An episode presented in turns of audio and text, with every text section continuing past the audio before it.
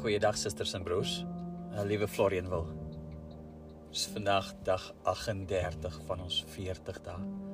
Dis Vrydag 8 April. Soos altyd het ons 'n geleentheid om stil te raak voor die Here as deel van ons 40 dae van onderskeiding en toewyding ook. So vol van die feit dat dit ook lydenstyd is. Ons versamel onsself eers Ons kry net 'n kans om ons gedagtes bymekaar te bring. Ons fokus nou op die Here. En ons weet dat hy teenwoordig is.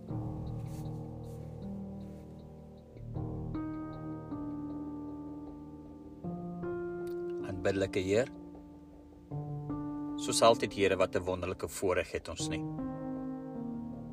En die teenwoordigheid Here kan ons Here noem wat in ons harte is kan ons die name Here van broers en susters voor U bring. Kan ons Here soos Dawid van ouds Here skuld bely. Kan ons Here U lof besing. En nou Vader, help ons Here om te verstaan. En help ons Here dat as ons verstaan, Here ons alle eer aan U sal gee. In Jesus naam. Amen. Vriende, genade en vrede vir elkeen van julle.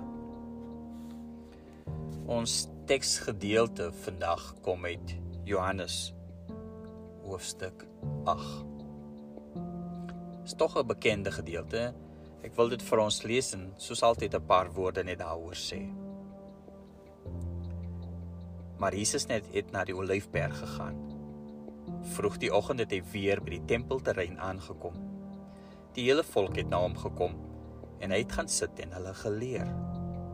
Die skrifkenners en die fariseërs bring toe 'n vrou wat op oorspel betrap is en laat haar in die middel staan. Hulle sê toe vir hom: "Meester, hierdie vrou is op heterdaad betrap terwyl sy oorspel pleeg. En die wet het Moses ons beveel om sulke vroue te stenig. Maar u, wat sê u?" Dit het hulle gesê om hom te toets sodat hulle iets kon hê waarvan hulle hom kon aankla. Maar Jesus het afgebuk en met sy vinger op die grond geskryf. Toe hulle egter volhou met hulle vrae aan hom met hy reg opgekom en vir hulle gesê: "Laat die een wat sonder sonde is, eerste 'n klip na haar gooi." Hy het weer afgebuk en op die grond geskryf. Die wat dit gehoor het, het een vir een van die oudste af weggegaan. Net hy het oorgebly en die vrou daar in die middel. Jesus het toe reg opgekom en vir haar gesê: Vrou, waar is hulle? Het niemand jou veroordeel nie? Sy antwoord: Niemand nie, meneer. Jesus sê toe: Ek veroordeel jou ook nie. Gaan en moet van nou af nie meer sondig nie. Ons teksgedeelte is baie duidelik dat God se genade groter as sy oordeel is. En hierdie verhaal wat ons gelees het, is een van die mooi stories wat hierdie waarheid bevestig. Johannes 8 van daar af. Soos ons gelees het, word daar vertel van die vrou wat voor Jesus gebring is deur skrifgeleerdes en fariseërs. Sy is betrap met oorspel. Sy het 'n fout gemaak. Om watter rede ook al, sy het 'n fout En nou raak dit vir haar erger. Want ons lees dat Jesus besig was om by die tempelterrein die volk te leer en die teks vertel vir ons dat die hele volk het gekom om na hom te luister. So hulle bring haar na waar Jesus is en sy word in die middel van almal geplaas tentoongestel teenoor almal En Jesus word nou daaraan herinner dat die wet van Moses die daad van die vrou veroordeel en daarom moet sy gestenig word. En so lees ons en weet ons word Jesus getoets. Toe buk Jesus af en skryf op die grond. Hieroor is daar al baie geskryf. Oor wat hy geskryf het, oor hoekom hy dit geskryf het. Want dit is nie die punt van ons gesprek vanaand en ek sal ookie vir u daarmee vermoei nie. Want Ons weet eenvoudig net nie wat hy geskryf het daar op die grond nie. Maar sy antwoord daarna is absoluut briljant. Die sonder sonde kan eers 'n klip na haar gooi. En toe skryf hy verder op die grond. Jesus was bewus behalwe die sonde van die vrou het daar agter die godsdienstigheid van die skrifgeleerdes en fariseërs 'n nog groter sonde gesit. Ja, daar is die geweld teen die vrou, maar daar ook is daar die beplande geweld teen Jesus self. So na hierdie woorde van Jesus verdwyn die fariseërs en skrifgeleerders op grond van hulle eie skuld besef. En al wie oorbly is hierdie vrou en Jesus die enigste een wat geen sonde gehad het nie. Wie Jesus is, bly staan. En nou tree Jesus verlossend op. Hy veroordeel haar nie. Hy red haar. Nie net van steniging nie, maar deur sy genade verkondiging en vergifnis verkondiging bring hy haar ook na die Here en sy is dus nou vrygemaak om nie meer te sondig nie.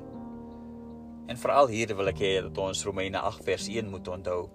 Daar is dus nou geen veroordeling vir die wat in Christus Jesus is nie.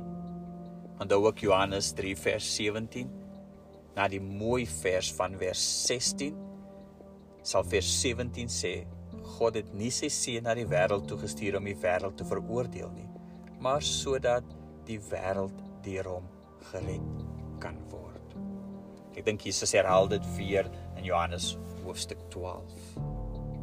Dit is ons teks vir vanaand. In die storie van koning Dawid, dit wat ons nou volg, eindig ons eerskomende Sondag daarmee af. Met die verhaal van Dawid en Batseba. So vir nou ons fokus op op Jesus die feit dat daar nie veroordeling was vir hierdie vrou nie. Ons weet dat die Here baie genadig is.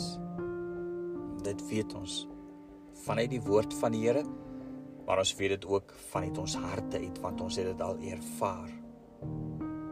Ons weet dat daar skuldvergifnis vir sondaars is, want dit het ons ook al baie ervaar. So vir hierdie dag en hierdie oomblik kom onthou ons nou net dat Jesus hierdie vrou wat verkeerd gedoen het nie veroordeel nie maar haar help en red.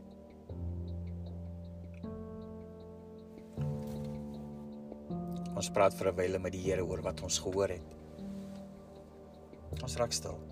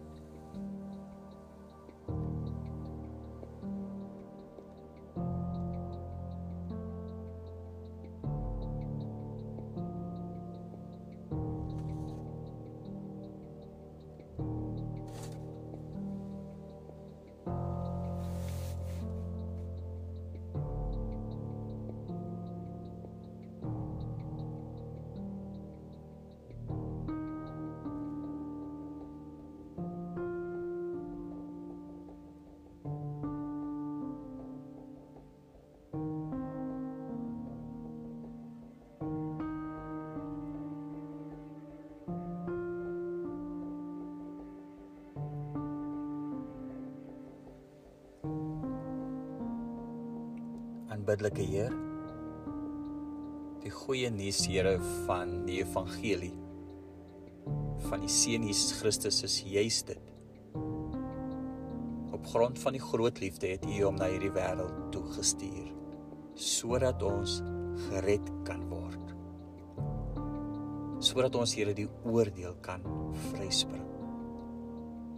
En dankie Vader dat U dit doen deur die vergifnis van ons sonde, Here. Dat U ons nie veroordeel nie. Dankie Vader dat ons daarom keer op keer met vrymoedigheid na U toe kan kom. En dankie Here vir hierdie woorde. Die woorde aan die vrou Here, maar ook woorde vir ons vandag. In ons gebrokenheid Here, leef ons vir U. In ons gebrokenheid Here, is ons ongehoorsaam. Maar dankie al Here vir nog 'n kans en nog 'n geleentheid altyd weer. Skep vir my 'n rein hart, o God. Vernuwe my gees en maak my standvastig. Dat my tog nie van U af wegdryf en die Heilige Gees van my af wegneem nie. Die genade van ons Here Jesus Christus, die liefde van God, die troostvolle gemeenskap van die Heilige Gees is met elkeen van u. Amen.